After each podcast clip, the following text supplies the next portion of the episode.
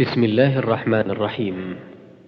أيها الأحبة يسر تسجيلات التقوى الإسلامية بالرياض أن تقدم لكم هذه المادة والتي هي بعنوان الشباب والاهتمامات. لفضيلة الشيخ محمد بن عبد الله الدويش الحمد لله نحمده ونستعينه ونستغفره ونتوب إليه ونعوذ بالله من شرور أنفسنا ومن سيئات أعمالنا. من يهده الله فلا مضل له ومن يضلل فلا هادي له. وأشهد أن لا إله إلا الله وحده لا شريك له وأشهد أن محمدا صلى الله عليه وسلم عبده ورسوله. أما بعد فموضوعنا لهذه الليلة كما ذكر الأخ المقدم هو الشباب والاهتمامات. وهذا الموضوع جزء من سلسلة دروس تربوية لعل الكثير منكم وإن لم يكن آه، قد حضرها قد سمع بعضا منها آه، من خلال آه، الأشرطة. نسأل الله سبحانه وتعالى أن يرزقنا وإياكم العلم النافع والعمل الصالح وأن يجعل ما نعلم حجة لنا لا حجة علينا. وهذا هو الدرس الحادي عشر من هذه الدروس التي تعنى بالقضايا التي تهم الشباب بدرجة أساس وأولى. موضوع الاهتمامات موضوع له حساسيته وله أهميته كما ذكر لنا الأخ الفاضل الذي قدم لهذه المحاضرة. ومع هذه الأهمية التي يتميز بها هذا الموضوع نجد أننا لا نعتني به. بل ربما البعض يتساءل وهل يستحق مثلا مثل هذا الموضوع أن يفرد بالحديث عنه؟ وهل يستحق مثل هذا الموضوع أن يفرد بهذه العناية؟ أقول لعل البعض يتساءل حينما لا يدرك مدى تأثير هذه الاهتمامات على شخصية الشاب وعلى سلوكه وعلى توجهه. ولعلنا من خلال عرض الموضوع تتضح لنا أهميته أكثر. عندما نبدأ بالإنسان من مراحله الأولى مرحلة الطفولة تجد أن الطفل يولد ساذج. له اهتمامات قريبة وساذجة فهو في مرحلة من المراحل يهتم مثلا باللعبة التي يقتنيها فهي كل شيء عنده. وهي المقياس ويرضى ويسخط من أجلها. ودائما يتحدث عن هذه اللعبة فإذا كان لديه مبلغ من المال سيشتري اللعبة. إذا زار أحد أقاربه آه، فسيقارن بين لعبته ولعبة آه، الابن الآخر. وهكذا تصبح هذه اللعبة هي قضية القضايا عند هذا الطفل. ثم يتقدم به السن فأيضا تتقدم اهتماماته قليلا. لكنها تبقى دائما محصورة في إطار ضيق. ثم تبقى الفوارق أيضا عند هؤلاء الأطفال محدودة. ولو أخذت شريحة أو عينة من مجموعة أطفال ونظرت إلى اهتماماتهم لوجدت أنها متقاربة. لكن عندما يتقدم به السن فيصل إلى مرحلة التكليف فيبلغ ويكلف شرعا حينئذ ستجد مفرق طريق هنا بين الاهتمامات. فلعلنا قبل أن نتحدث عن الاهتمامات وما يتعلق بها وكيف تكون اهتماماتنا وكيف نضبطها أن نلقي نظرة آه، ولنحرص أن تكون عاجلة حول اهتمامات الشباب. فستجد مثلا أن فئة من الشباب قد يكون همه الدنيا. وتحصيلها فتصبح هي كل شيء عنده وهي مقاييسه وهي التي تستغرق عليه وقته وجهده وتفكيره حتى قد يصل إلى الحال التي قال عنها النبي صلى الله عليه وسلم تعس عبد الدينار تعس عبد الخميصة تعس وانتكس وإذا شيك فلا انتقش آه، وصل إلى حال أصبح أسيرا للدنيا وعبدا للدنيا في طوعها. فالدينار والدرهم والمال والدنيا هي كل شيء عنده. يرضى من أجلها ويسخط من أجلها ويضحي من أجلها وهي الهدف الذي لا يساوم عليه. بل لعلك حتى تدرك فعلا مدى أسر الدنيا لمثل هذا الشخص أن تتصور كيف أنه باع آخرته لدنياه. هذا يكفي يعطيك دلالة على مدى أهمية الدنيا عند مثل هذا الشخص. هذه صورة. قد تكون هذه الصورة الآن قليلة في محيط الشباب لكنك تجدها في طبقات أكبر سنا. ننتقل إلى اهتمام آخر آه، أكثر انتشارا وتأثيرا عند الشباب ألا وهو الرياضة أو الكرة.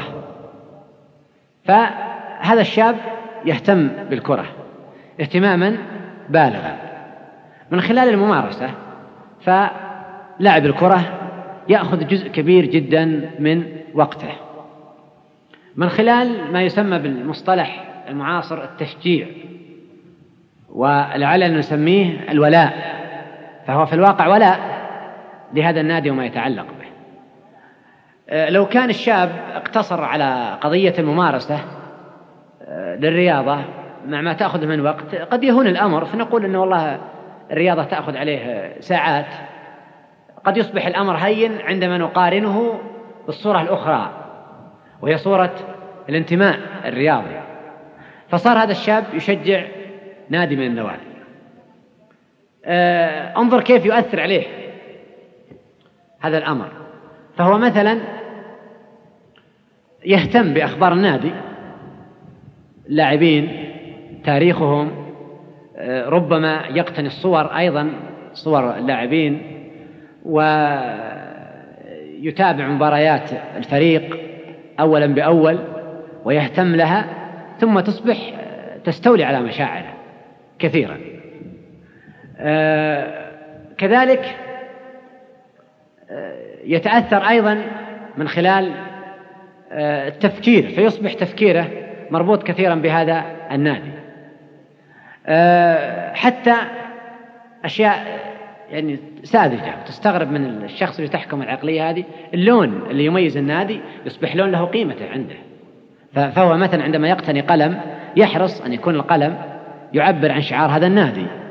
عندما يضع آه، مثلا آه، تلبيسه على سيارته أيضا يجب أن تكون تمثل شعار هذا النادي. فصار هذا اللون أيضا هو الآخر يحكمه. وصار يعشق هذا اللون لأنه يذكره بهذا النادي الذي أصبح ينتمي إليه.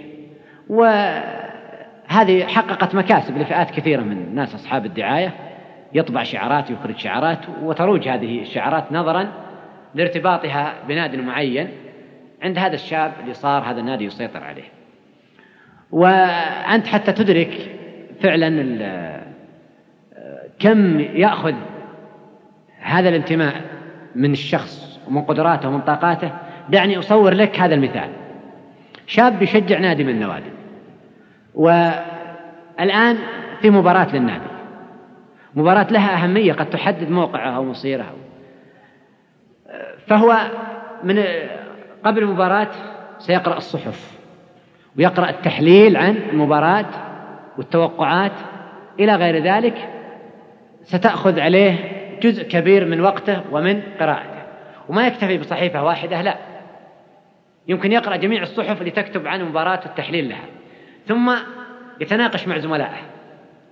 وأيضا نقاش طبعا بالضرورة لك أن تتصور النقاش اللي يسود أجواء الرياضيين نقاش غير مؤدب نقاش غير لبق نقاش ينم عن مستوى الثقافة ليتمتع بها أمثال هذه الطبقة. ثم آه، يذهب للملعب.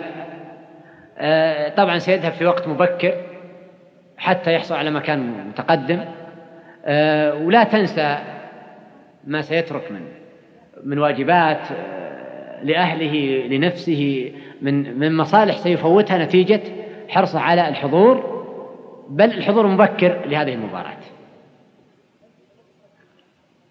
أو إذا لم يتيسر له الحضور انتقل إلى المرتبة الثانية وهي متابعة مباراة من خلال الشاشة.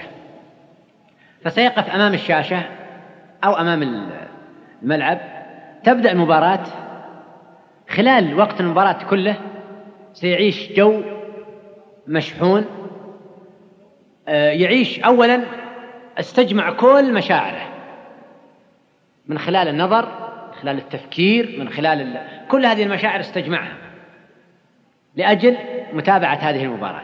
هذه المشاعر لا يمكن يستجمعها مثلا وهو يقرأ القرآن ولا وهو يصلي ولا وهو يسمع الخير فضلا عن أن يستجمعها مثلا وهو يسمع شرح الأستاذ أو في أي قضية جادة قضية من قضاياه الجادة. فتستجمع عليه مشاعره ثم أيضا يعيش مشاعر أيضا وعواطف متناقضة خلال هذه المباراة.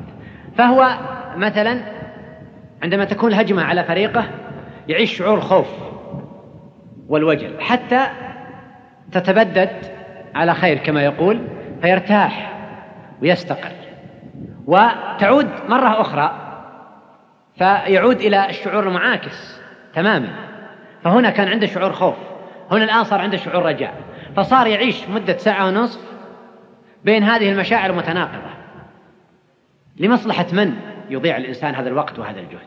وأنا أقول هذه المشاعر والعواطف اللي عندنا الحب والكراهية والحماس هذه حرام تضيع في هذه القضايا.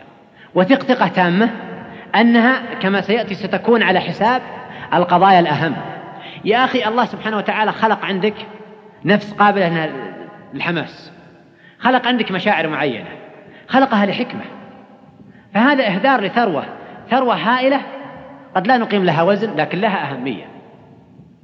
آه، نحن نفكر في ثروة المال. نفكر في ثروات معينة. وقد أحيانا نفكر في الوقت وأنه ثروة.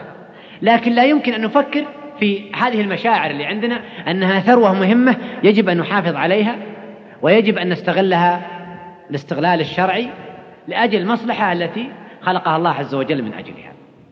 وما يعقب المباراة الآن النتيجة لصلاة المباراة لا بد أن يصير إلى حالتين. إما أن ينتصر فريقه فيصبح يعيش حالة زهو وفرح تسيطر عليه وتؤثر على حياته كلها في اليوم التالي.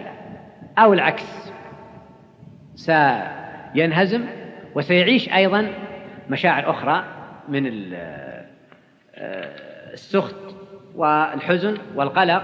ولعلكم تسمعون كثيرا مثلا عن حالات طلاق تحصل عن حالات خصام بين الزوجين نتيجة مثل هذا الجنون الكروي. بل أحيانا قد تصل الأمر ببعض الناس إلى حالة الإغماء وحالة الوفاة. آه، من أطرف ما يعني مر علي آه، مقال أحب أن تشاركوني فيه آه، كتبته إحدى الفتيات. في فتاة غيورة كتبت في إحدى الصحف عن ما علاقة الفتاة بالرياضة؟ يعني الفتاة ممكن تهتم بأي شيء إلا الرياضة. هذا رد على ذاك المقال تقول الكاتبة كنت أتصفح إحدى الصحف المحلية ولفت نظري ما أشارت إليه إحدى القارئات بأن تشجيع الفتاة للكرة ليس من تخصصها ولا يليق بأنوثتها. ورغم أنني أتفق تماما مع, مع, ما ذهبت إليه إحدى الأخوات في رأيها لاحظ أتفق تماما. إلا أنني أود أن أطرح بعض النقاط والتي أتمنى أن تكون موضع اهتمام هذه القارئة وغيرها. التشجيع ليس مقتصرا على الشباب فقط حتى نقول بأنه ليس من تخصص الفتاة. فلا أعرف من أين استقت هذه الفتاة هذا الرأي. يعني الآن نقاش علمي مطالبة بالدليل والحجة والبرهان. فهل تحرم المواطنة من تشجيع منتخب بلدها؟ مثلا أليست هي مواطنة تنتمي لبلدها؟ آه، هناك وفي أكثر الفنادق رجال يعملون في المطبخ. فلماذا لا نقول إن الطبخ من اختصاص النساء فقط؟ هذا قياس. تشجيع الفتاة للكرة لا يقلل من شأن أنوثتها طالما التزمت برقتها وهدوئها وصحيح أنها لا تمارس هذه الرياضة كالشباب ولكن من حقها أن تشجعها ومن حقها أن تمارسها أيضا. شو المانع؟ لما يكون فيه نوادي وفيه مباريات رياضية فيما لا يتعارض مع العقيدة الإسلامية ولا يتعارض مع شريعتنا الإسلامية وش الإشكال؟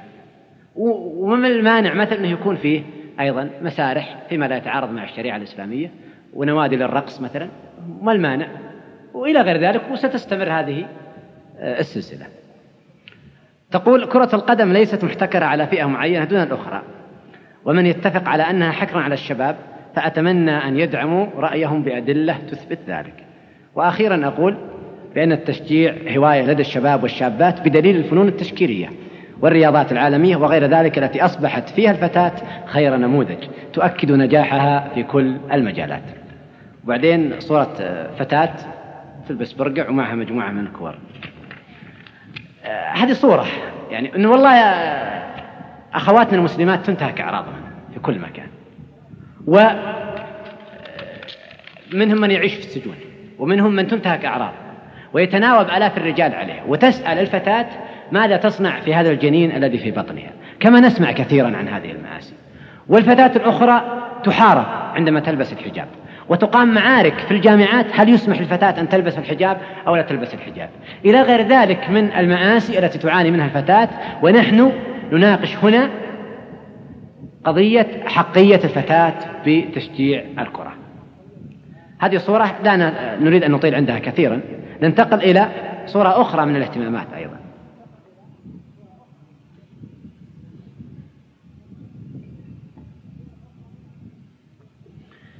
صورة أخرى صورة, ذا صورة ذاك الشاب الذي قد سيطر عليه هم آخر هو الشهوة.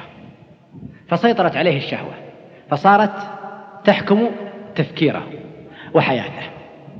فهو يفكر دائما في هذه الشهوة وكيف يقضي شهوته ويصرفها. يجلس أمام الأستاذ في الفصل والأستاذ يشرح لكنه هو يعيش في واد آخر. يعيش في واد آخر غير هذا الوادي الذي هو فيه.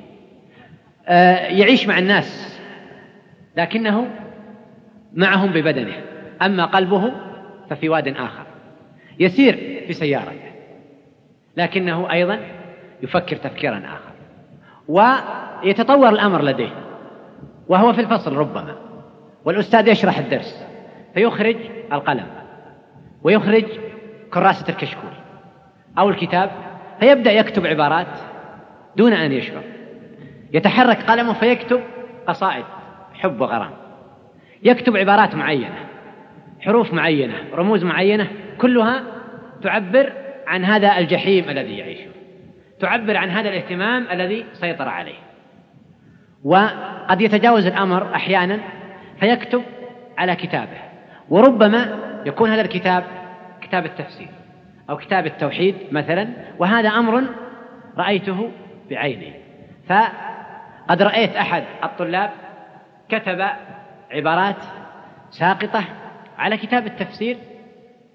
أحاول أن أقولها لكم فلا أستطيع أن أتجرأ أن أقول هذا الكلام الذي يكتبه هذا الطالب على كتاب التفسير. ولا شك أنه كتب هذا الكتاب في درس التفسير فهو قد أخرج الكتاب والأستاذ يشرح وهو يعيش في واد آخر. الأستاذ يتحدث عن أسماء الله وصفاته وعن اليوم الآخر وعن هذا القرآن الذي أنزله الله هداية للناس وصاحبنا يعيش في واد آخر. وربما تطور الأمر فأصبح يصلي فيقرأ. الحمد لله رب العالمين. الرحمن الرحيم. مالك يوم الدين. والله سبحانه وتعالى يخاطب عبده كما تعلمون. إذا قال الحمد لله رب العالمين قال حمدني عبدي. وإذا قال الرحمن الرحيم قال أثنى علي عبدي. مجدني عبدي. هذا بيني وبين عبدي. هذا لعبدي ولعبدي ما سأل وصاحبنا يعيش في واد آخر. يعيش في واد آخر وله هم آخر. فهو يفكر في هذه الشهوة.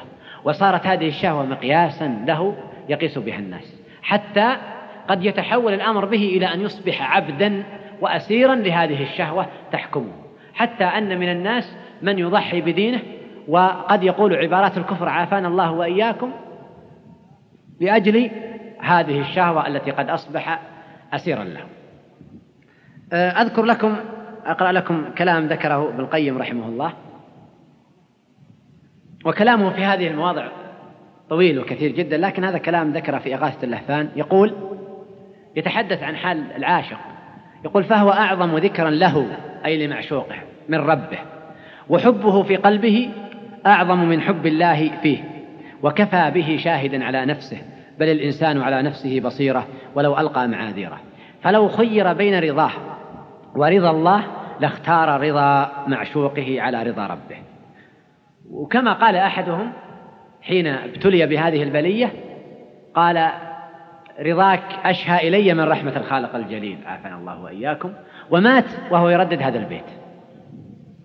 قال ولقاء معشوقه أحب إليه من لقاء ربه وتمنيه لقربه أعظم من تمنيه لقرب ربه وهربه من سخطه أشد من هربه من سخط ربه عليه يسخط ربه بمرضاة معشوقه ويقدم مصالح معشوقه وحوائجه على طاعة ربه فإن فضل من وقته فضله وكان عنده قليل من الإيمان صرف تلك الفضلة في طاعة ربه. وإن استغرق الزمان حوائج معشوقه ومصالحه صرف زمانه كله فيها. وأهمل أمر الله. يجود لمعشوقه بكل نفيسة ونفيس ويجعل لربه من ماله إن جعل له كل رذيلة وخسيس فلمعشوقه لبه وقلبه وهمه ووقته وخالص ماله وربه على الفضلة. قد اتخذه وراءه ظهريا وصار لذكره نسيا إن قام في خدمته في الصلاة فلسانه يناجي ربه وقلبه يناجي معشوقه ووجه بدنه إلى القبلة ووجه قلبه إلى المعشوق إلى آخر كلامه رحمه الله. هذه صورة من صور بعض الاهتمامات التي قد تطغى على الشاب أيضا صورة أخرى قد تكون أقل من هذه الصور لكنها أيضا صوره من الاهتمامات الخاطئة. من يهتم بالنقد بنقد الآخرين. ايا كان هذا النقد. فيصبح هذا النقد يسيطر عليه. فهو يسمع لينتقد. يقرأ لينتقد. يسأل لينتقد. فيأتي يسأل فلانا وهو يريده أن يجيب إجابة معينة ينتقده فيها. فإذا أجاب على خلاف ما, ما لا يريد قال قال ما لا يعتقد. إنه يعتقد كذا وكذا لكنه ثم يطرح السؤال بصورة أخرى يلح عليه حتى يجيب بالإجابة التي يريد أن ينتقده فيها. فقد سيطر عليه النقد وأصبح همه ولعلنا نرى نماذج أيضا من هذه الصور. قد تختلف النسب بين من هذا همه وذاك همه قد تختلف المخاطر ولكنك ترى أن هذه الهموم كلها هموم تسيطر على فئة وقطاع من الشباب. وتتحكم هذه الهموم في مشاعر الإنسان ويضرب لنا ابن الجوزي مثلا عجيبا في ذلك فهو يتحدث عن همة المؤمن ثم يضرب لنا مثلا في اختلاف اهتمامات الناس وأثرها عليهم. يقول همة المؤمن متعلقة بالآخرة فكل ما في الدنيا يحركه إلى ذكر الآخرة وكل من شغله شيء فهمته شغله. ألا ترى أنه لو دخل أرباب الصنائع إلى دار معمورة رأيت البزاز ينظر الفرش ينظر الفرش ويحرز قيمته. والنجار إلى السقف والبناء إلى الحيطان والحائك إلى نسج الثياب. والمؤمن إذا رأى ظلمة ذكر ظلمة القبر وإن رأى مؤلما ذكر العقاب وإن سمع صوتا فظيعا ذكر نفخة الصور. وإن رأى الناس نياما ذكر الموتى في القبور وإن رأى لذة ذكر الجنة فهمته متعلقة بما تم وذلك يشغله عن كل ما تم. إلى آخر كلامه رحمه الله. الآن آه، غير هؤلاء ثمة شاب أيضا يعيش الظروف نفسها. فهو يعيش في نفس البيئة التي يعيشها الشاب الأول الذي يهتم بالرياضة أو الشاب الآخر الذي يهتم بشهوته. يعيش نفس الظروف ونفس البيئة ونفس المتغيرات وربما يعيش البيت نفسه الذي يعيشه فلان. فأنت ترى الشاب الأول هذا له هذا الهم. بينما الآخر يعيش معه في البيت نفسه ومن أم وأب واحدة ويتلقون تربية واحدة. ولكن هذا له هم آخر غير هم أولئك. ولسان حاله يقول يا قوم أنتم في واد وأنا في واد آخر. يا قوم لي هم غير الهم الذي يشغلكم. فلم تعد الدنيا هما لي ولم تعد الرياضة مجالا أن أفكر فيها أصلا فضلا عن أن أصرف فيها نفيس وقتي ومشاعري وأحاسيسي. وأما الشهوة فهي أبعد إلي من, من ذلك كله. لأني أعرف أنها تقودني إلى ما حرم الله عز وجل. نعم إنني أصرف شهوتي لكن فيما أباح الله سبحانه وتعالى وأجر على ذلك وأتعبد الله بذلك. ولكن لي واد آخر ولي هم آخر غير هذا الهم الذي أنتم تهتمون به. فهو يهتم بحفظ كتاب الله سبحانه وتعالى. فإذا رأى شابا تساءل في ذهنه يا ترى ماذا يحفظ من القرآن؟ يسمعه يقرأ فيصغي إلى قراءته ليسمع ماذا يقرأ. وإلى أين وصل في حفظ القرآن؟ هل فاقه أم لا؟ بينما ذاك الشاب ينظر إلى هذا الشاب نفسه الذي يقرأ القرآن لكنه ينظر بعين أخرى ينظر بنظرة أخرى ينظر وله هم آخر وصورة أخرى. أرأيت كيف يجتمع هذان جميعا مع هذا الشاب نفسه لكن هذا له نظرة وذاك له نظرة أخرى. تماما كما ذكرنا ابن الجوزي يدخل الناس القصر فهذا ينظر إلى الأخشاب وهذا ينظر إلى الحائط وهذا وهذا يذكره هذا النعيم بنعيم الجنة. ويذكره هذا الجمال والبهاء في الدنيا بزوال الدنيا وفنائها. إنها صورة أخرى أو الشاب الذي همه العلم الشرعي وتحصيله. فيدخل المكتبة. فلان همه مجلة أو همه صفحة رياضية. أما هذا فهمه كتاب من كتب العلم. يدخل التسجيلات له هم والآخر يدخل تسجيلات أخرى له هم آخر. في المجالس يتحدث في موضوع وذاك يتحدث في موضوع آخر. إذا هذه صورة عاجلة عن اهتمامات الشباب. ننتقل بعد ذلك إلى النقطة الأخرى وهي ما المجالات التي ينبغي أن نهتم بها والتي نصرف لها اهتماما؟ أظن أن بعد ما سبق وصلتم على الأقل إلى قدر من القناعة بأهمية هذا الموضوع أهمية أن نعتني باهتماماتنا ونفكر فيها ونسعى إلى أن نتحكم فيها ونضبطها. فنقول إذن ما القضايا التي يجب أن يهتم فيها الشاب؟ ما الأمور التي يجب أن تسيطر على اهتماماته؟ أقول أول قضية وأهم قضية إصلاح نفسه. أن يهتم بإصلاح نفسه. كيف أزيد من إيماني وطاعتي بالله سبحانه وتعالى؟ كيف أنمي في نفس الخوف من الله عز وجل ومحبته ورجاءه والتوجه إليه والرغبة والرهبة إلى غير ذلك من عبادات القلب كيف أصرفها لله سبحانه وتعالى. كيف أربي في نفسي الحرص على الصلاة على تلاوة كتاب الله سبحانه وتعالى على ذكر الله. ثم كيف أنتصر على المعاصي؟ كيف أضبط شهواتي؟ كيف أضبط نفسي عما حرم الله سبحانه وتعالى؟ ثم أيضا كيف أتخلص من داء البخل الذي قد يكون حاجزا بيني وبين الإنفاق في سبيل الله. كيف أتخلص من داء الكسل الذي يكون عائقا بيني وبين الكثير من التطلعات التي أتطلع إليها عائقا بيني وبين عبادة الله سبحانه وتعالى وبين طاعة الله عز وجل وبين طلب العلم وبين الدعوة إلى غير ذلك من المجالات التي يجب أن أسلكها. المهم أن هذا هم مهم وأساس يجب أن يسيطر عليك فتفكر فيه كثيرا. وتتساءل عنه كثيرا وتثيره مع أقرانك وتفكر فيه وتقرأ وتسمع وتوظف طاقات كثيرة تملكها لأجل تحقيق هذا الهم. هم آخر. هو الآخر أيضا يجب أن يحتل مكانة بين قائمة اهتماماتك. تحصيل العلم الشرعي بدءا بحفظ كتاب الله وسنة نبيه صلى الله عليه وسلم. ولك أن تتصور ماذا سيأخذ عليك من وقتك ومن تفكيرك. فأنت مثلا تقرأ آيات الله فتفكر فيها تسمع حديثا فتفكر وتستنبط وترى منه فائدة مهمة في هذا الموضوع الذي يعنيك. وهكذا تدخل المكتبة فتبحث عن كتب.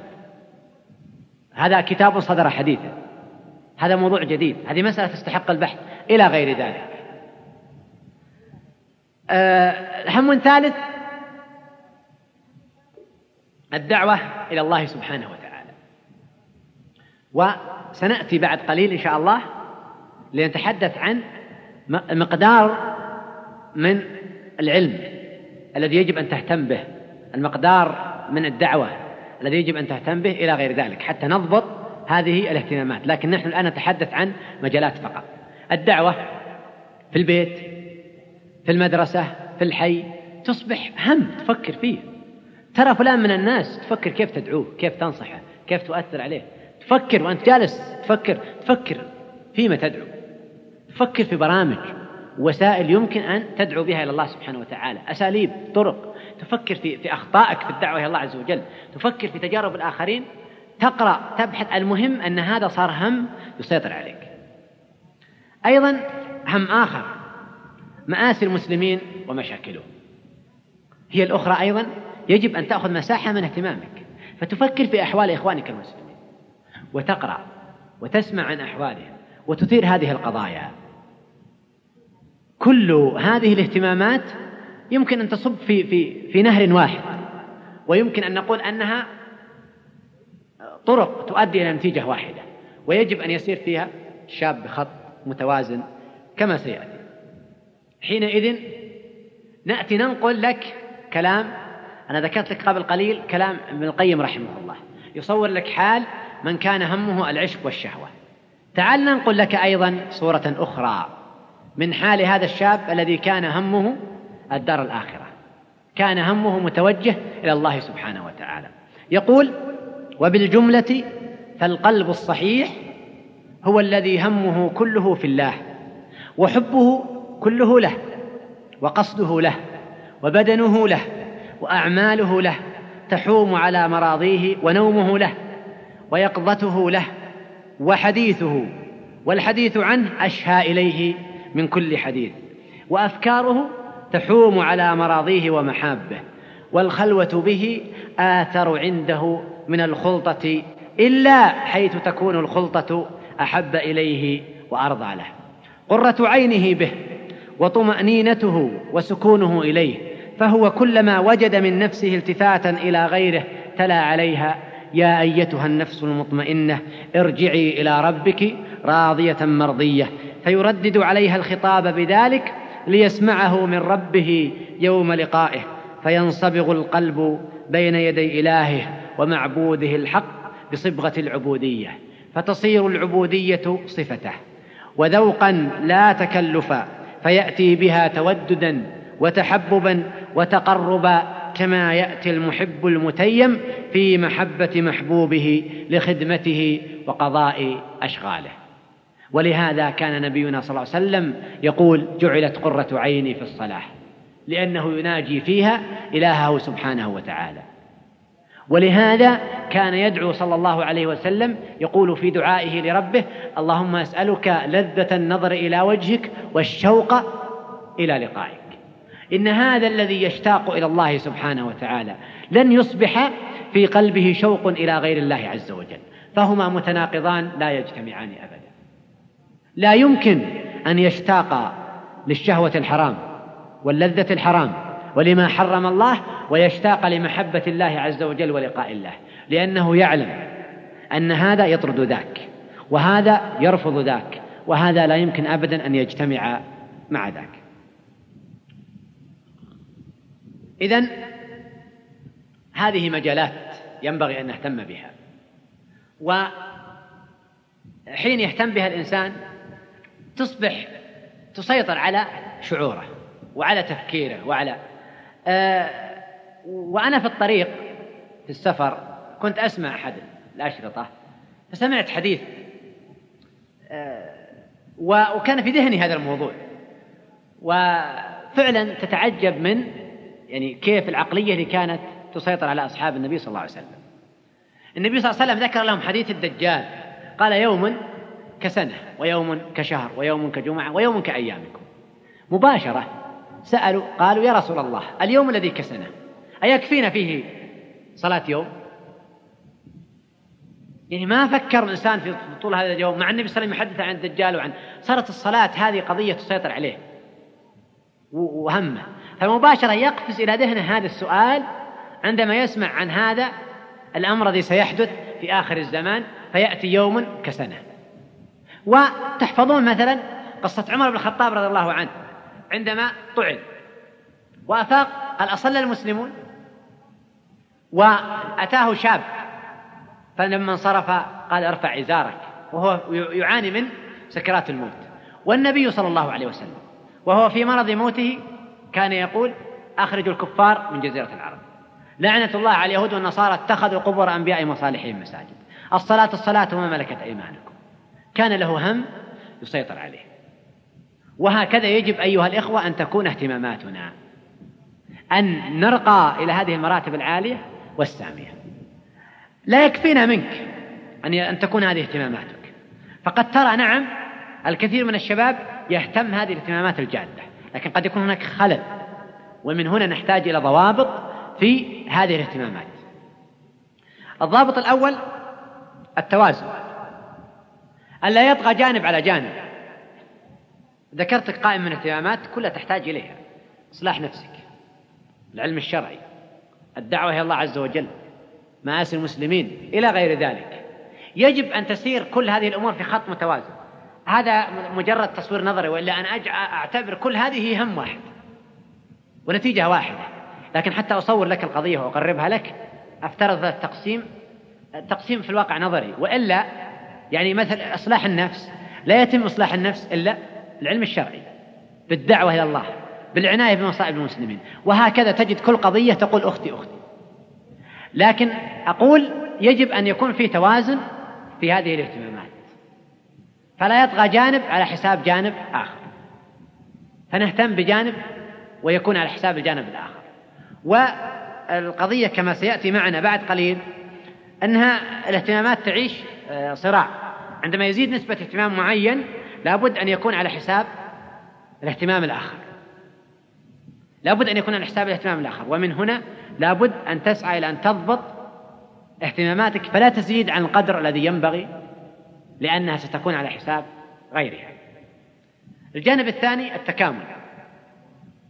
فما يسوغ مثلا أنك تجد شاب يهتم بأخبار المسلمين وقضايا المسلمين فتشغل آه، عليه وقته كله ثم ينسى العلم الشرعي. ينسى الدعوة إلى الله عز وجل.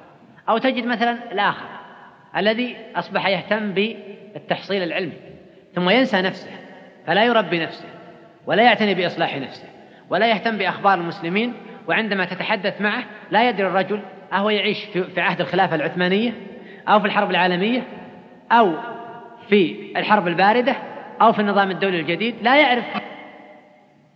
ونحن ما نريد أن يكون يدرك هذه المصطلحات لكن على الأقل أن يعرف واقعه ويعرف أحوال المسلمين ويعرف ما هم فيه. فهذا لا يليق. لا يليق أن يهتم بالعلم الشرعي ويعتني به ثم لا ترى له أي جهد في دعوة غيره. و وكأن واقع المسلمين وكأن الواقع اللي من حوله اللي يعيشه ربما في البيت أو في المدرسة أو في الحي أو في موقع العمل كأن هذا الواقع لا يعنيه بقليل ولا بكثير. إذا يجب أن يكون هناك تكامل فيجمع بين هذه العناصر. نقطة ثالثة وأريد أن أقف عندها كثيرا لأننا نجد فيها خلل في الواقع. وأرجو أن تفهموه فهم جيد. حتى ما يقع لبس فتأتيني أسئلة وأخشى أن أذكركم في آخر المحاضرة أن في أسئلة يقول نفهم من كلامك كذا وكذا. وهي قضية أن تكون الاهتمامات على مستوى الشاب. مثلا يأتيك أحيانا شاب في المرحلة الثانوية فتجد أنه يهتم بمآسي المسلمين. اهتمام بالغ جدا ويسأل عن الأخبار ويعتني بها وتسيطر عليه هذه القضية كلها. وينسى القضايا الأخرى ينسى القضايا الأخرى التي هي بالنسبة له قد تكون أهم. ما عسى مثلا هذا الشاب شاب في في المرحلة الثانوية أو في المرحلة المتوسطة إنسان يعيش في مدينة أو يعيش في قرية من القرى أو يعيش في أي مكان على على ظهر هذه البسيطة. مثلا ماذا سيقدم هو لقضية من قضايا المسلمين؟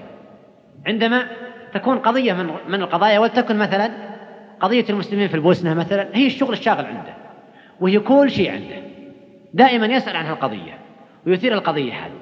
كثير مثلا لما يزورني مجموعة من الشباب أرصد أسئلتهم دائما يطرحون أسئلة حول القضايا الساخنة اللي تدور في المجتمع. آخر الأخبار في قضية البوسنة آخر أخبار في أوضاع الصومال. ثم قضايا ساخنة في المجتمع وهذه هي كل شيء عنده لكن نادر أن الشاب يطرح عليك قضية يعاني منها هو شخصيا. يعني كيف يربي نفسه؟ كيف يصلح نفسه؟ أو قضية علمية تعنيه مثلا. أو مشروع دعوي هو يفكر فيه ويقترح ما يطرح القضية هذه. صار له هم كبير. هم كبير وسيطر عليه هذا الهم. أو شخص آخر يهتم اهتمام علمي. لكن هذا الاهتمام أيضا فوق مستواه. فهو مثلا شاب لا يزال في مراحل مبكرة من العمر.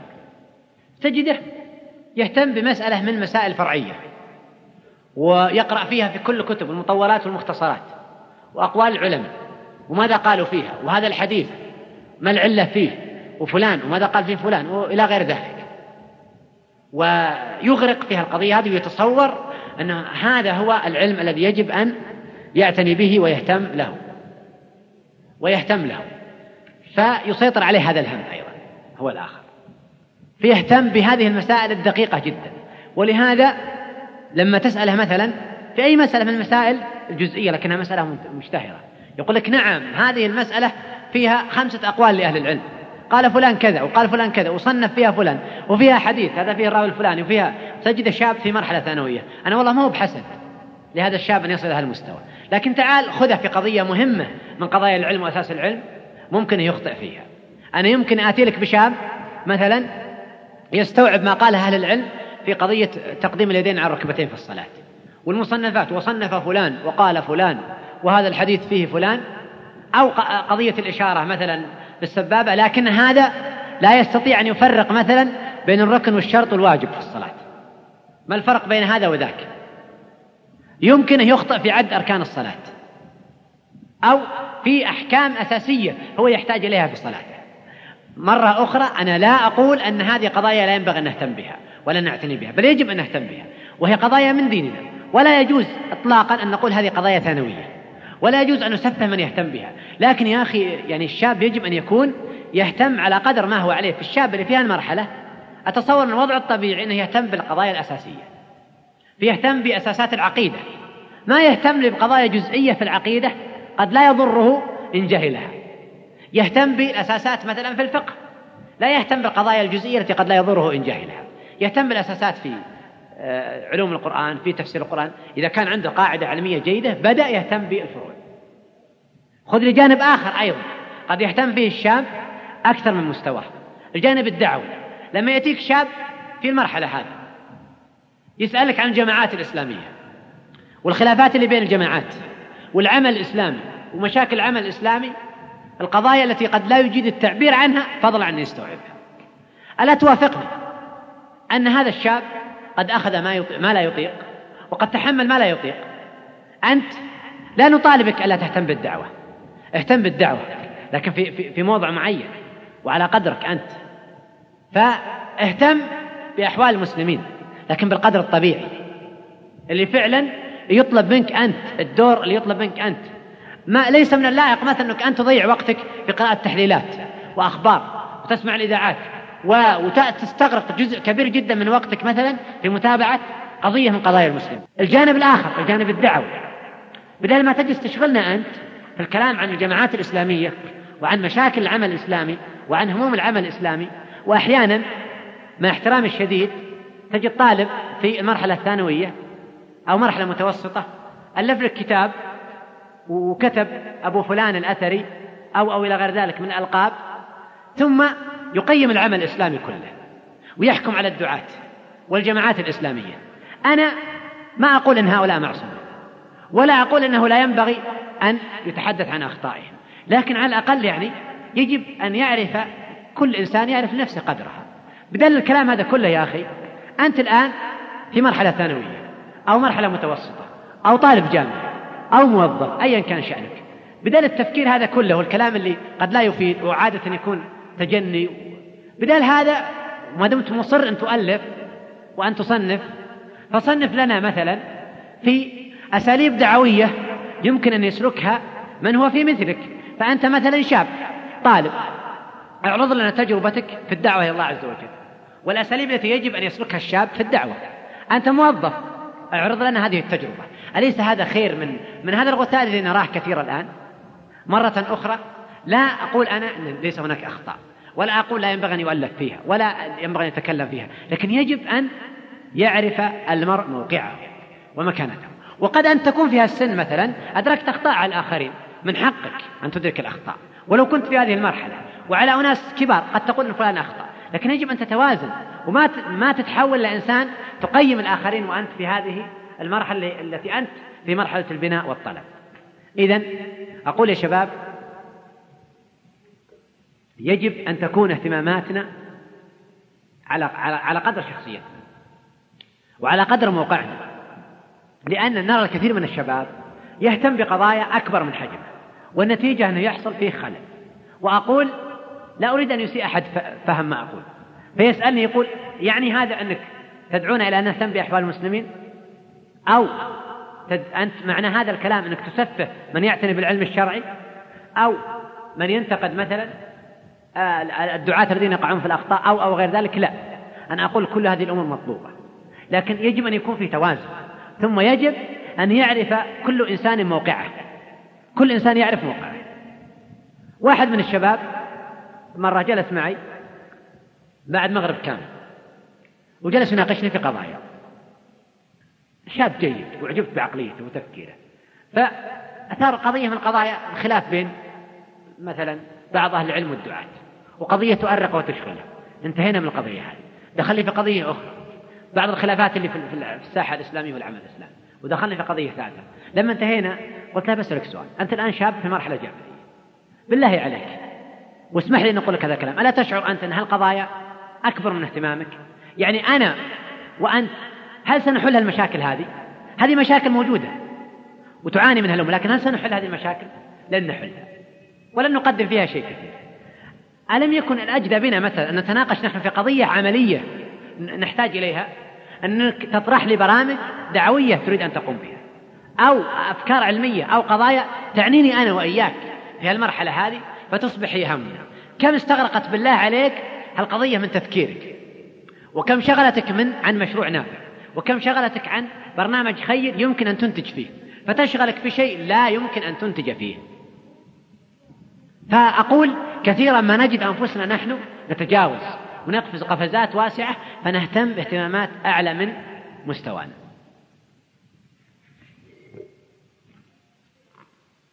آه، أخيرا ننتقل إلى العنصر النهائي. في هذه المحاضرة وهو خصائص الاهتمامات. أظن أنها مرت معنا قبل قليل يعني من خلال الحديث العام تمر معنا لكن نعرضها لكم الآن.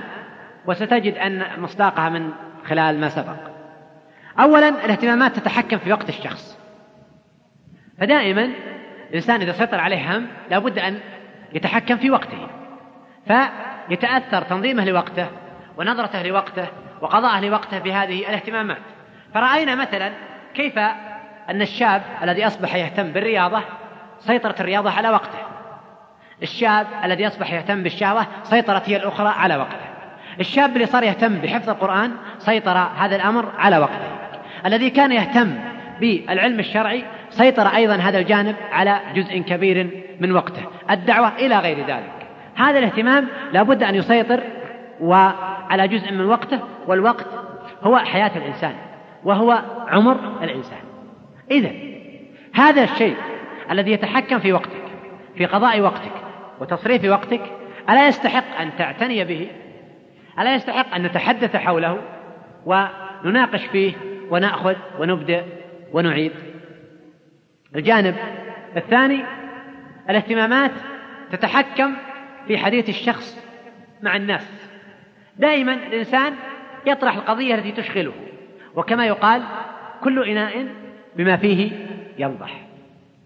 وتجده في المجلس مع الناس في موقع العمل في موقع الدراسة في أي مكان من الأماكن تجده دائما يثير القضية التي تسيطر على اهتمامه فيتحدث عنها ويسأل ويبدأ الحديث ويعيد حول هذه القضية.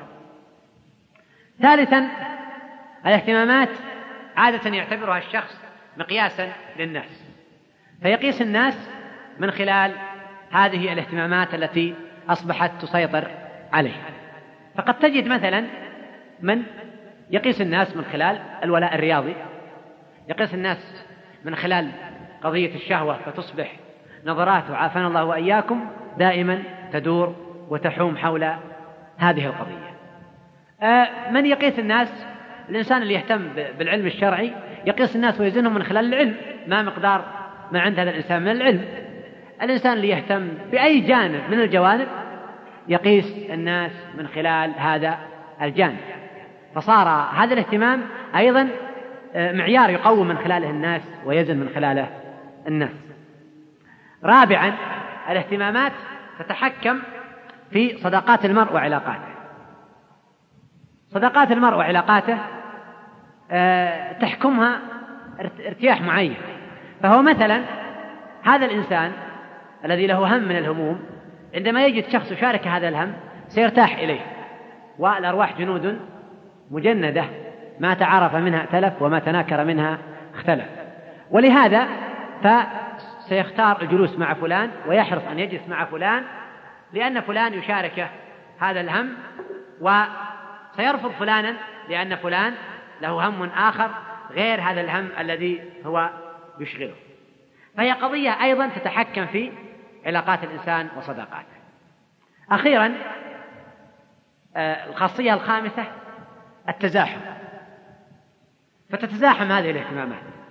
لأن الإنسان عنده مساحة معينة وقدر معين يتسع لا يتسع إلا لطاقة معينة. ولهذا إذا تزاحمت أخرجت ما سواها. نضرب لك مثال. عندي مثلا الآن. هذا الكأس. أريد أن أضع فيه خليط. بضع فيه مثلا عصير برتقال. وعصير ليمون وعصير موز وعصير تفاح وماء. فخليط من خمس مركبات. إذا زاد مثلا عصير برتقال سيكون على حساب غيره. زاد عصير الليمون سيكون على حساب غيره. فلا بد أن تكون بنسب متوازنة حتى لا يطغى شيء على شيء آخر. لا بد أن يمتلئ. لا بد أن يمتلئ هذا الكأس أيا كان. إذا بقي فيه فراغ ما امتلأ سيشغل بالهواء. المهم أنه لا بد أن يمتلئ.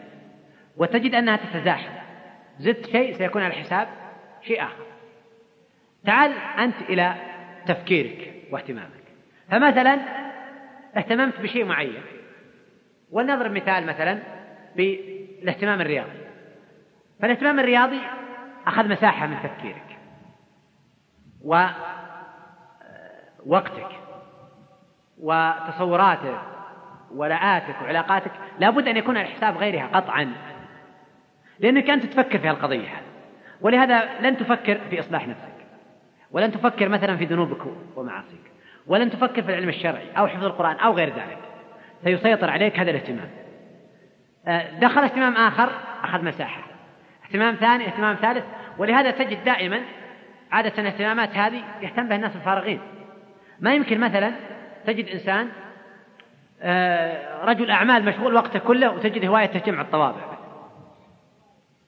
ولا هواية فن تشكيلي ولا هواية رياضية أو غيرها من لأن ما ما يجد وقت أصلا لهذه الاهتمامات ولا لهذه الأمور. مشغول هو بشيء آخر. فهذه تفيدك أنت في عدة أمور. لما تعرف أنت أن الاهتمامات لابد أن تتزاحم. ما يمكن أبدا أن تجمع هذا مع ذاك مع الآخر. لأن أولا مساحة المساحة اللي يمكن أن تشغلها اهتمامات مساحة واحدة ما تقبل التوسعة. ولهذا إذا دخل شيء سيكون على حساب شيء آخر. الشيء الثاني أنها متناقضة يعني في شيء يؤثر على الشيء الآخر. فمثلا الإنسان اللي يهتم بالشهوة هذا يناقض الاهتمام بالعلم وحفظ القرآن أو إصلاح النفس. فصارت شهوته في هذا الأمر. لم تعد شهوته في تحصيل العلم. ولا شهوته فيما يرضي الله عز وجل. والآخر الذي هوايته تلك. والثاني والثالث والرابع. إذا فأنت عندما تعرف أنها متزاحمة لابد أن تكون بخيل. فما تعطي اهتمام بأي شيء إلا بعد ما تراجع حساباتك. لأنك يجب أن تعرف أنك لما تدخل أي شيء في دائرة اهتماماتك سيكون سيشغل مساحة مهمة أنت تحتاج إليها. فالله تعالى فكر يستحق أني أدخله في القائمة ولا ما يستحق؟ إذا ما يستحق خليه برا طيب. شيء آخر أيضا. قلنا الاهتمامات متناقضة. فهذا نقيض الشيء الثاني. ما يمكن مثلا تجعل في هذا الإناء سكر وملح لأنهما متناقضان ولهذا فمن كان يحب الغناء ويسمع الغناء تراه يعرض عن آيات الله عز وجل. ومن الناس من يشتري له الحديث ليضل عن سبيل الله. بغير علم ويتخذها هزوا أولئك لهم عذاب مهين. وإذا تتلى عليه آياتنا ولا مستكبرا كأن لم يسمعها كأن في أذنيه وقرأ. شوف كيف أثرها عليه لأنه انشغل بسماع الغنى الغنى صوت الشيطان. والقرآن كلام الله متناقضين. لما صار منشغلا بسماع الغنى صار ما في مكان للقرآن. وإذا سمع آيات الله ولى مستكبرا كأن لم يسمعها كأن في أذنه وقرأ. فإذا يجب أن تعرف أنت أنك إذا دخلت اهتمام سيطرد نقيضة وسيؤثر على نقيضة. أيضا معرفة هذه الخاصية تفيدك في العلاج. أن بعض الشباب يقول أنا أعاني الآن من أني أهتم بهذا الجانب أو أهتم بالجانب الآخر أو أهتم بالجانب الثالث أو أهتم بالجانب الرابع وهكذا. فثق يا أخي أنك الآن عندما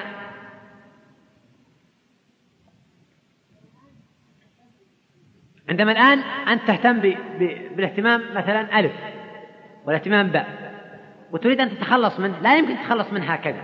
عندما تتخلص منه ما الحل؟ مقلص المساحة اللي يأخذها من الاهتمامات أدخل اهتمامات جديدة. أهتم بأشياء أخرى جادة. ولهذا نقول دائما للشباب اللي يعاني يقول أنا أعاني من التفكير في الشهوة أو من من, من الاهتمام بالقضايا الرياضية. نقول باختصار أنت لما تهتم بقضايا جادة ستجد أنها أخذت مساحة وطردت الأخرى.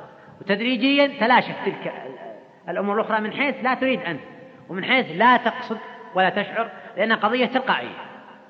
فصار لك الآن هم في حفظ القرآن أو تعلم العلم أو إصلاح النفس ستأخذ جهد من وقتك من تفكيرك من نظرتك للناس إلى غير ذلك فستكون على حساب غيرها إذن فأنت ستوظف هذه القضية لأن تطرد عنك الاهتمامات الأخرى التي لا تريدها فتستطيع أن تتخلص من الاهتمامات دون الحاجة إلى أن تتكلف باختصار شديد أن تدخل الاهتمامات الجادة النقيضة لهذه الاهتمامات.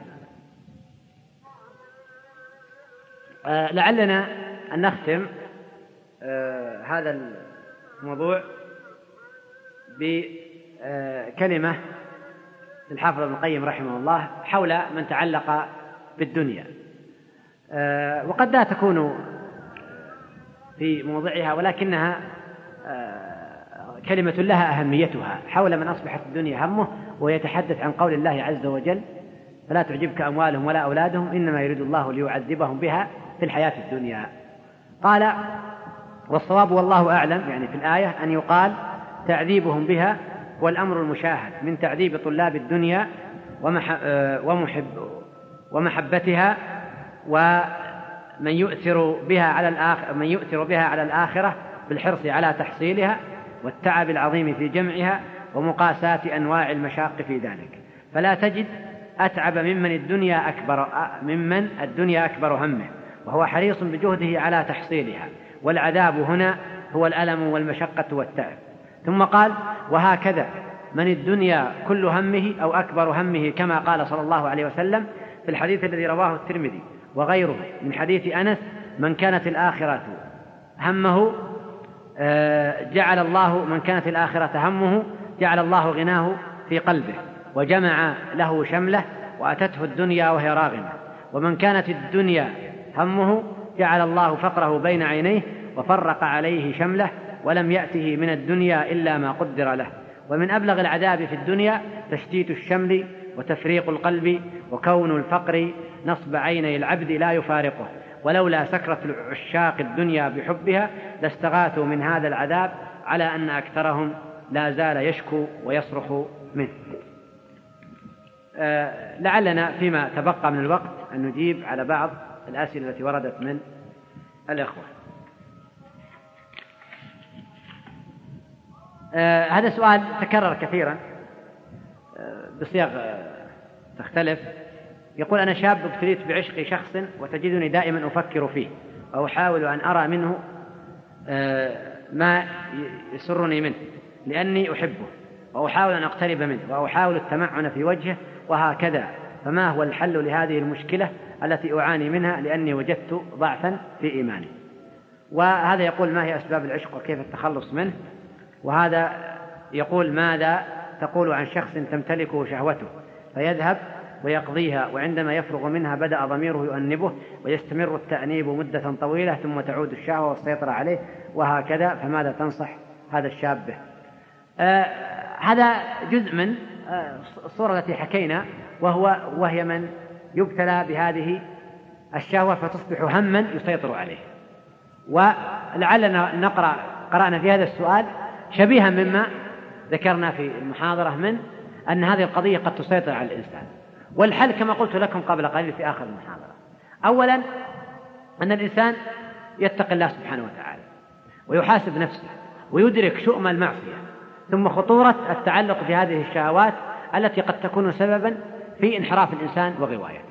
وما أخطر على الشاب من أن تسيطر عليه هذه الشهوة فتحكم تفكيره وتصوره. ومن هنا فيجب أن يكون الشاب حازم مع نفسه وجاد فيقطع الطريق عليها من أوله لأنه قد يستمر فتصبح عادة فيصعب عليه جدا أن يتحكم فيها. ولهذا فيجب أن يكون حازم مع نفسه ويتخلص من الآن ومع بداية الطريق. ثم لا يمكن أن يتخلص الشاب من هذه القضية إلا عندما يتوجه قلبه إلى الله سبحانه وتعالى ويعلق قلبه بالله عز وجل. ودائما يعبد الله سبحانه وتعالى بقلبه ويتوجه الله بقلبه قبل أن يتوجه إليه بلسانه. هو يقرأ القرآن نعم لكنه قد لا يستحضر في قلبه. يشهد الصلاة لكنه قد يصلي ببدنه. فعندما يقبل على الله سبحانه وتعالى يجد الأنس واللذة ثم يجد العتاب الشديد واللوم للنفس عندما تتوجه إلى هذه الأمور التافهة. هذا هذه خطوة مهمة. ثم خطوة أخرى أن يقطع على نفسه ما يثير هذه القضية. ويثير هذه الشهوة. فيقطع على نفسه النظر الحرام والتفكير في هذا الموضوع والتفكير في هذا الشخص والتفكير في هذه القضية قدر الإمكان. ويحاول أن يشغل نفسه آه، بين فترة وأخرى بالتفكير النافع المفيد. وأخيرا القضية اللي أشرت إليها وهي قضية التزاحم. فأن يدخل عنده اهتمامات أن يهتم بقضايا جادة فستشغله قطعا. فإذا اهتم بقضايا جادة سيطرت عليه اهتم بإصلاح نفسه وقراءة القرآن والعلم وغيرها والدعوة صار ما يفكر أصلا في هالقضية هذه فلما ينظر إلى فلان ما ينظر من هذه الناحية. ولعل بعد ذلك وقبله أن نوصيه بدعاء الله سبحانه وتعالى والتوجه إليه فالله عز وجل يقول وقال ربكم ادعوني أستجب لكم وقال أما يجيب المضطر إذا دعاه ويكشف السوء يجعلكم خلفاء الأرض. يقول ترى أنه ظهر في فئة من الشباب الملتزمين من الاهتمام بالرياضة ومشاهدة المباريات الكروية فما هو التوجيه لهذه الفئة التي جعلت هذا اهتمامهم؟ ويقول ماذا تريد منا؟ سؤال آخر ماذا تريد منا يا شيخ؟ هل نترك التشجيع؟ هل نترك جلسات السواليف في العطل؟ ونحن غير مشغولين في النهار فراغ وفي الليل فراغ. أرجو أن تعطيني جوابا يشفي. أمراض كثيرة نعيشها نحن الشباب. ومدارها على الفراغ يا شيخ خاصة في العطل. آه، أقول آه، أولا لن أقول لك أنت أدرك قيمة وقتك. ولن أقول لك أنك محاسب على وقتك وستسأل عنه أمام الله عز وجل عن كل دقيقة. وأنه لن تزول قدمك يوم القيامة حتى, حتى تسأل أمام الله عن هذا الوقت. ولن أقول لك أنك في المستقبل ستندم على هذا العمر الذي قضيته. ستندم على هذا الفراغ الذي أنت الآن تشتكي منه وتتمنى في المستقبل وقت فراغ ولو لحظات تستفيد منه. تتمنى ساعة فقط حتى تستفيد منه حتى تقرأ حتى تعبد الله حتى لن أقول لك ذلك كله. لا لأنه ليس مهم بل لا شك أنه أهم شيء لكنك تعرفه جيدا وتدركه. ولو فكرت أنت تفكير جاد منصف لعرفت أنه لا يحق لك أنك تشتكي من الفراغ بل تتمنى فراغ أكثر حتى تستفيد وتستثمر وقتك فيما ينفع. لكن أقول لك أنقل لك إلى صورة أخرى. أنت الآن تعيش هذا الواقع القريب منك والبعيد. المجتمع اللي أنت تعيشه الآن والمرحلة اللي تعيشها الأمة الإسلامية. الآن كلكم توافقون أن الأمة الإسلامية الآن تعاني من أسوأ المراحل اللي مرت بها في التاريخ وهي في ذيل القائمة. وتعال في الشرق تجد المشاكل اللي يعاني منها المسلمون. هناك. في الهند مع الهندوس في كشمير في أفغانستان في طاجكستان في الجمهوريات التي استقلت. تأتي إلى ما يسمونها في الشرق الأوسط. فترى المعاناة. وأعظم معاناة أن نرى أن المسجد الأقصى الذي تشرع شد الرحال إليه بيد اليهود. ونجد من يريد أن يساوم على التخلي عن هذه البقعة المقدسة. وتجد المسلمين أيضا داخل هذه البقعة يعانون ما يعانون. من قضايا تسمعون عنها كثيرا وما الحديث عن الإرهاب والتطرف والأصولية ببعيد عنكم. انتقل إلى الغرب. انتقل إلى أوروبا إلى أمريكا إلى أي مكان وموطن في قارات العالم تجد المعاناة. إما تقتيل أو تشريد أو جوع أو تنصير أو صد عن دين الله أو إثارة للشهوات. ألا تدري أنه في مناطق كثيرة في العالم الإسلامي يجر الشاب إلى المحاكمة عندما يخرج إلى صلاة الفجر؟ ألا تدري أن علامات استفهام توضع على الفتاة عندما تذهب إلى الجامعة وقد ارتدت الحجاب؟ ألا تدري أن فتيات منعت من دخول الجامعة في كثير من البلاد الإسلامية نظرا إلى أنها محجبة؟ ألا تدري عن قضية طالت حول أحقية دخول الطالبة المحجبة في كلية الطب حتى وصلت إلى أن تعرض على مجلس النواب. ألا تدري أن هناك برامج ومواثيق وعهود يتفق عليها الكثير من هؤلاء لأجل قضية واحدة هي حرب الإسلام حرب الصحوة وعدها صد الناس عن دين الله وفتنتهم ثم تعال الآن قريبا في المجتمع اللي أنت تعيش كم ترى أنت من الشباب من أقرانك في السن؟ اللي أنت الآن موجود في هذا المركز وتقضي في هذا الوقت أو في هذه المحاضرة تجد من الشباب من له هم آخر من أصبح غارق في شهوة أنت تأتي المسجد تخرج صلاة الظهر تأتي المسجد وهو يذهب ليقف عند مدارس البنات أنت قد تقوم الليل تتهجد في الثلث الأخير من الليل وهو مستيقظ في الليل لكن لشأن آخر. فلك هم وله هم آخر. الفتيات الواقع المر الواقع المر الذي يعاني منه الناس حولك فهذا الواقع بالله عليك يا ما يحرك فيك ساكن. ما يجعلك تنظر إلى وقتك نظرة أخرى. يعني يليق أنك تقضي وقتك مع الاعتذار الشديد على النفوذ تطعيس ولا من هنا ومن هنا ولا اهتمام بالكرة ولا غيرها. وأنت ترى هذا الواقع المر اللي يعاني منه المسلمون سواء الواقع القريب أو الواقع البعيد. أضف هذا كله إلى ما ذكرته لك في أول إجابة عن السؤال. فترى أنه ليس من حقك يا أخي أن تفكر هذا التفكير فضلا عن تتصور أن الفراغ مشكلة. يقول أنا شاب أعرف أعرف الله والحمد, والحمد لله وحافظ على الصلوات الخمس ولكن ألاحظ في نفسي وفي كثير من الشباب أن اهتماماتنا الدنيوية ليس إلا. هل من تبين آه، لنا آه، الطريق الصائب والذي يقودنا إلى الله والدار الآخرة؟ آه، باختصار أن تعرف أنك ما خلقت إلا لعبادة الله. عز وجل وما خلقت إلا لمرضاة الله سبحانه وتعالى. وهذه الدنيا إنما هي مرحلة للدار الآخرة. جزاك الله خيرا وكتب الله خطواتك في ميزان حسناتك وسؤالي هو أنك تجد بعض الشباب الملتزم يهتم ببعض الكماليات البسيطة مثل شكل ولون الثوب وكذلك الأحذية والسيارة والشماغ وإطار النظارة ويقول معارضا من ينصحه يقول الله تعالى قل من حرم زينة الله التي أخرج لعباده وقول الرسول صلى الله عليه وسلم إن الله جميل يحب الجمال فكيف يرد على ذلك؟ آه طيب إن الله جميل يحب الجمال. لكن من الجمال مثلا آه أن الشاب يرتدي قلادة ذهب. ساعة ذهب مو جمال هذا؟ ها؟ جمال. طيب أيضا من الجمال أنه يتابع آه، أحدث القصات يقص شعره بصورة يعني مناسبة ولائقة. من الجمال يلبس ثوب حرير من الجمال. هذا جمال. فالجمال الذي يحبه الله ليس كل جمال محصور في قضية معينة. ثم لماذا نأخذ جانب من النصوص ونترك الجانب الآخر؟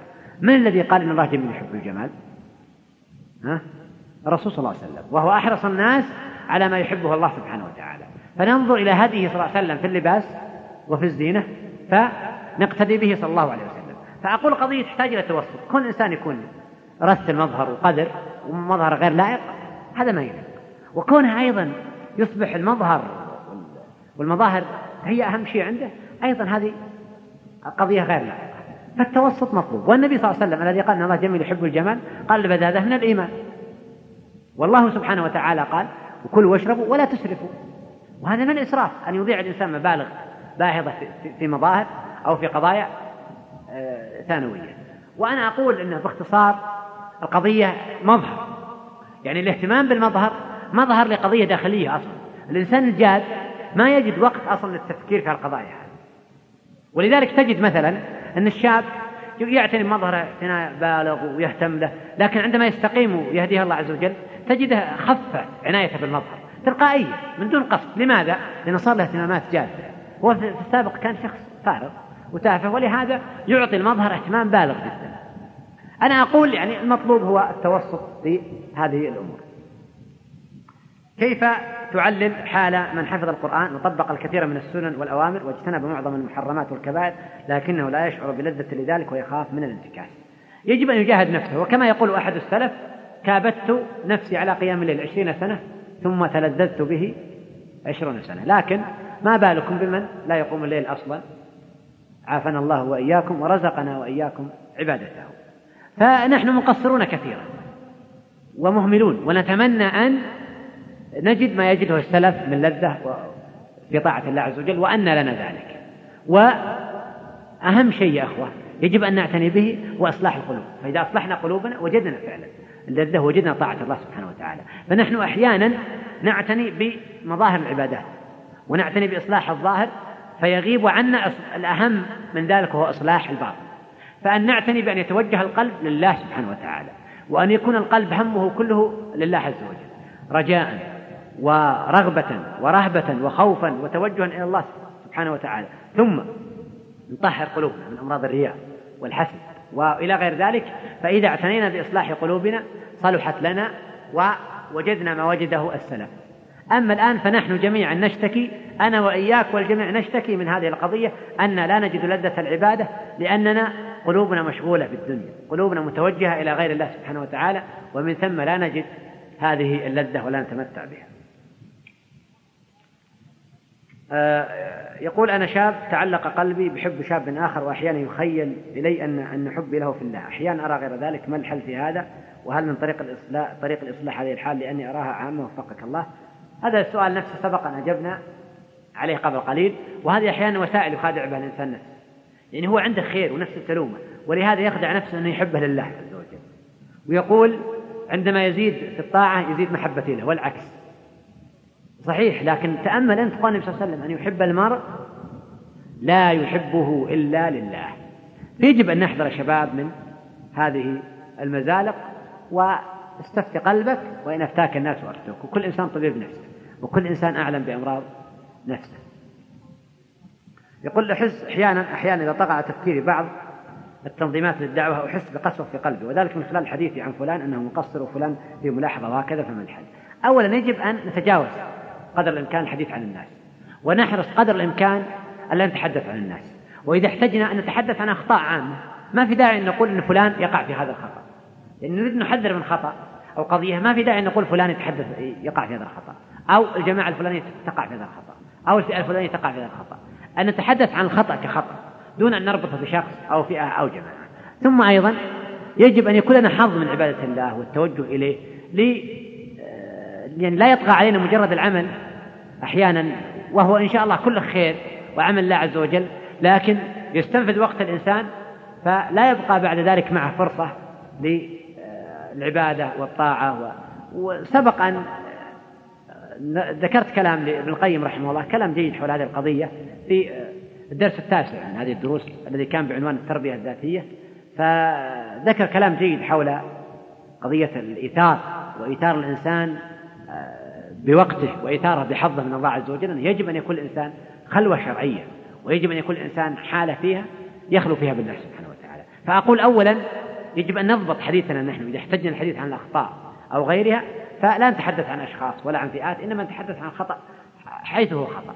وإذا والله اقتضت المصلحة الشرعية أن نتحدث عن أخطاء أشخاص معينين فلا حرج في ذلك. لكن يجب أن ننظر ثم القضية الثانية أن يكون لنا حظ. من عبادة الله سبحانه وتعالى والصلة به حتى تزيل عنا هذه القضية. يقول أنا شاب التزمت منذ زمن ليس بعيد ثلاثة مرات ثم تركت الالتزام وأنا أريد أن أتوب هذه المرة هل تقبل لي هذه التوبة وكيف أتوب؟ نعم تقبل هذه التوبة لكن هل تستمر أم لا؟ هذه القضية. وإلا ما الذي يمنعك من التوبة؟ يا أخي الله عز وجل قبل توبة من أشرك وقبل توبة من دعا, دعا إلى التوبة من فعل الفواحش بل دعا إلى التوبة المنافقين بل دعا إلى التوبة الذين قالوا إن الله ثالث ثلاثة. لقد كفر الذين قالوا إن الله ثالث ثلاثة. وما من إله إلا إله واحد وإن لم ينتهوا عما يقولون. ليمسن الذين كفروا منه عذاب أليم. أفلا يتوبون إلى الله ويستغفرونه؟ والله غفور رحيم. يا أخي الله دعا الذين فعلوا الفاحشة ودعا الذين قتلوا النفس بغير حق ودعا الذين وقعوا في الشرك ودعا المنافقين ودعا الكفار ودعا الذين قالوا إن الله تعالى دعا الذين تجرأوا على الله وسبوا الله عز وجل إلى التوبة. وقال أفلا يتوبون الله ويستغفرونه والله غفور رحيم. فليس هناك شيء يحول بينك وبين التوبة. لكن أنا أريد منك تفكر تفكير آخر. أنك تسأل نفسك الآن ما الأسباب اللي جعلتك ثلاث مرات ترجع. ثم لا تكون هذه المرة الرابعة. وتطرح السؤال مرة أخرى علي أو على غيري أني التزمت أربع مرات. فأقول أن قضية التوبة هذه ما تحتاج تفكير ولا نقاش. القضية مفروغ منها. كل من تاب تاب الله عليه. لكن القضية هي كيف تحل المشكلة هذه اللي تجعلك أنت تعود وإلى طريق الضلالة مرة بعد أخرى. يقول لماذا؟ يقول إن بعض الشباب يكون متحمس لقضية ومجال من المجالات التي لا تعود عليه بخير. فإذا نصحتهم ووجهتهم قال كل ميسر لما خلق له فلو كان الناس كلهم شيوخ أو علماء أو حكام لما كانت الحياة لها طعم. يعني صحيح أن مبدأ التخصص وارد وكل إنسان له مجال معين تخصص معين هذه مفروغ منه. لكن يجب ألا نفرط في القضية فتكون على حساب غيره يعني مثلا بعض الشباب قد يكون نشيط في في دعوة الشباب المنحرفين ويقضي وقت يبذل جهد وهذا جهد طيب وخير. فتقول يا أخي احفظ القرآن يقول لك لا يا أخي أنا أجد نفسي متوجه لهالمجال اعتن بالعلم الشرعي يقول لك لا أنا متوجه للمجال والتخصص وارد. صحيح أن التخصص وارد لكن أيضا مع التخصص يجب أن يكون في توازن. ففي قدر مشترك يجب أن يحصله الجميع ثم بعد ذلك يبقى أن فلان يركز على هالجانب فلان يركز على الجانب الآخر. لكن هذا التخصص لا يسوق أن ندعون أن ندعونا إلى أن نفرط في جوانب مهمة. مثلا كم نسمع من يزهد في العلم الشرعي؟ بحجة والله أن التخصص وارد والناس ما هم كلهم علماء. صحيح الناس ما هم كلهم علماء. لكن ليس كل من يطلب العلم الشرعي سيكون عالم. لا. نريد منك أن تعتني بالعلم الشرعي وتطلب العلم اللي على الأقل يرفعك إلى أن تحسن عبادتك. وتدعو الناس من خلال هذا العلم ويضبط لك كثير من أمورك. ثم بعد ذلك توسع في غيره. اعتن بحفظ القرآن لو ما أكملت حفظ القرآن كله لكن على الأقل تحفظ جزء من القرآن. وهكذا. فأقول لا لا يجب أن نخلط يعني بين قضية التخصص وبين قضية الخلل. في التخصص مطلوب لكن أيضا ينبغي لا يدعون هذا إلى التركيز على جانب على حساب الجوانب الأخرى فيكون الإنسان عنده خلل في شخصيته. يقول تعلمون ما القراءة من فوائد عظيمة وكثيرة من حفظ الوقت. وإنابة الفكر وغير ذلك. ولكن كثير من شباب الأمة منصرفون عنها إلى اهتمامات أخرى غالبها اهتمامات تافهة. نرجو توضيح بعض فوائد القراءة والمنهج الصحيح للقراءة يعني أنت ذكرت بعض الفوائد القراءة. يقول من فوائد عظيمة وكثيرة من حفظ الوقت. إذا هذه فائدة. وإنارة للفكر وغير ذلك. فأقول أولا القراءة تحفظ وقتك كما ذكر فعلى الأقل تجعلك ما تنشغل في معصية الله. حفظت هذا الوقت في طاعة الله. فإذا سئلت أمام الله عز وجل قضيته في قراءة وقراءة علم نافع القراءة من سلك طريقا يلتمس فيه علما سهل الله له به طريقا الجنة. فالذي يقرأ لأجل تحصيل العلم يسلك الله له بهذا الطريق طريقا إلى الجنة. فيها تحصيل فوائد علمية.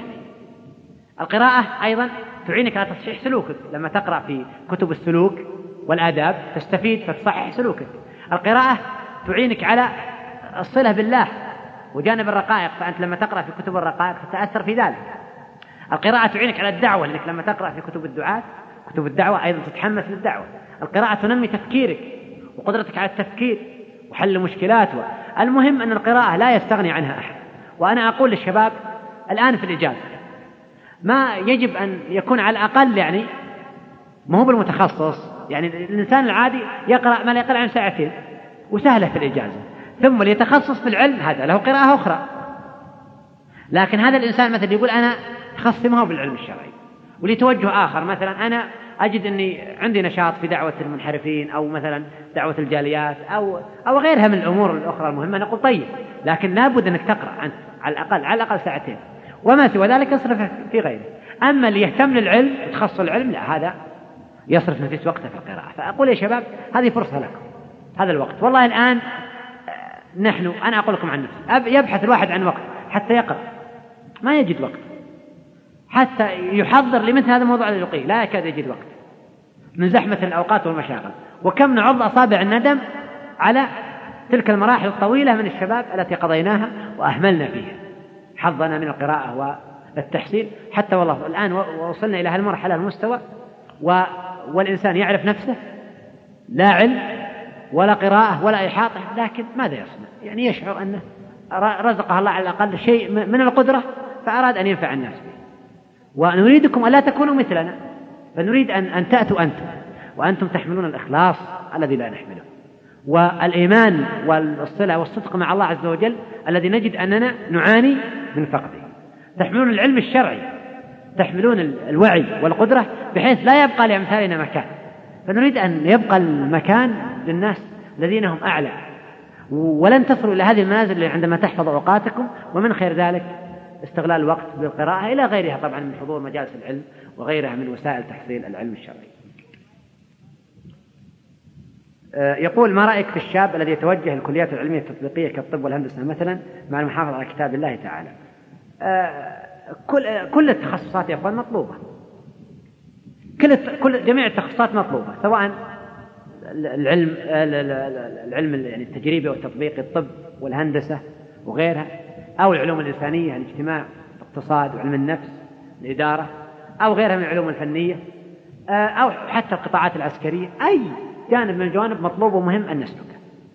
الآن نحن نتحدث في مثل هذا المعهد اللي له تخصص معين. مطلوب أن يوجد ناس يشغلون هذا الميدان.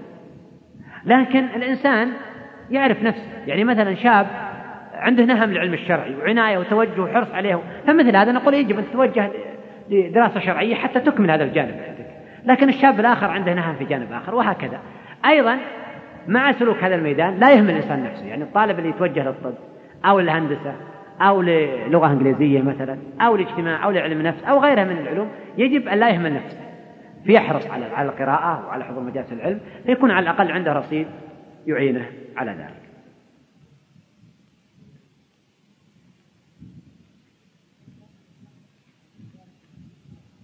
يقول أنا شاب من الشباب الذين يهتمون بمراكز السلفية ودائما أكون حريصا على مراكز حتى أن الأمر وصل إلى أنني أرفض أوامر الأهل إذا كانت هذه الأوامر تتعارض مع وقت المركز فهل هذا هذا العمل الذي أسلكه كل يوم عمل مرضي لله عز وجل أم لا؟ مع العلم أني لا أرفض أوامر الأهل إذا كانت تتعارض مع وقت المركز وفي الختام أرجو الإفادة عن هذه المسألة. أولا يعني كثير من الشباب يرتاحون للمركز لكن يختلفون. بعض الشباب يرتاح للمركز لأنه يستفيد منه من خلال برامج المركز. وبعض الناس لا. المركز فيه سعة صدر فيه رياضة وفيه فيه مسبح وفيه يبدو المسبح هذا أيضا يجذب بعض الشباب مثلا أو ملعب أو غير ذلك. فأيضا هذه نقطة يجب أن نضعها في الذهن عند الإجابة على هذا السؤال. ثم مع اهتمامك بهذا المركز افترض أنك تحفظ في القرآن أو تتعلم العلم الشرعي أو مجلس خير. ولا شك أن هذه المراكز مجال خير. مهما كان حتى الشاب اللي يأتي يلعب ويمارس الرياضة هنا خير الله من أن يمارسها في ميدان آخر. فأقول أن هذه المراكز وما فيها الحمد لله ميدان خير ومجال خير. لكن يجب أيضا أن ننضبط. فلا يجوز أن يعصي الإنسان والديه أو يخل بواجبات أهله بحجة أنها تتعارض مع وقت المركز. ويكون عنده توازن. إذا كان الأهل مطالب يمكن أن يقضيها مثلا في غير وقت المركز. ما تيسر يستأذن يوم من الأيام ما يأتي. يعني ما الإشكال؟ أو يتأخر أو يأتي المركز ثم ينصرف. وأتصور أنا أن الشاب الجاد ما عنده مشكلة. هي مشكلة من شخص غير جاد. يعني وقت المركز في الفترة المسائية مثلا من العصر إلى بعد العشاء. وقت الصباح عند الأخ في وقت واسع. وأيضا أيام الخميس والجمعة وغيرها. وإذا وجد شغل يتطلب أثناء دوام المركز وقضية ملحة يجب على الشاب أنه يوازن ويضحي. ثم إذا صار الشاب جاد برعون أهله وسيكون بينه وبين أهله تفاهم أما إذا كور لا ما عنده أستاذ يناقش أصلا أنه جاي المركز ممكن الأهل في المستقبل يمنعونه من المركز. ويمكن أن نعطي الناس سمعة سيئة عن هذه المراكز بأنها تشغل أوقات الشباب عن أهلهم وتعطل عليهم مصالح أهلهم فيكون الشاب لا يرى أهله إلا قليلا ولا يقضي مصالح أهله ولا يعتني بها. آه، لعلنا نقتصر على هذه الأسئلة. ونعتذر الأخوة الذين لم يتيسر الإجابة على أسئلتهم ونسأل الله سبحانه وتعالى أن يرزقنا وإياكم العلم النافع والعمل الصالح وأن يجمعنا وإياكم على خير وأن يجعلنا وإياكم متحابين بجلاله وأن يظلنا في ظله يوم لا ظل إلا ظله. وسيكون إن شاء الله الدرس الثاني عشر بعنوان ماذا بعد الهداية؟ إن وفق الله ويسر وقد لا تسمعونه مباشرة لكن يمكن أن تسمعوه من خلال أجهزة التسجيل وستكون هذه محاضرة في الغد إن شاء الله في المعهد العلمي في بكيرية. أيها الإخوة بموجب فهرس تسجيلات التقوى فإن رقم هذا الشريط هو عشرة آلاف وستمائة وواحد وسبعون.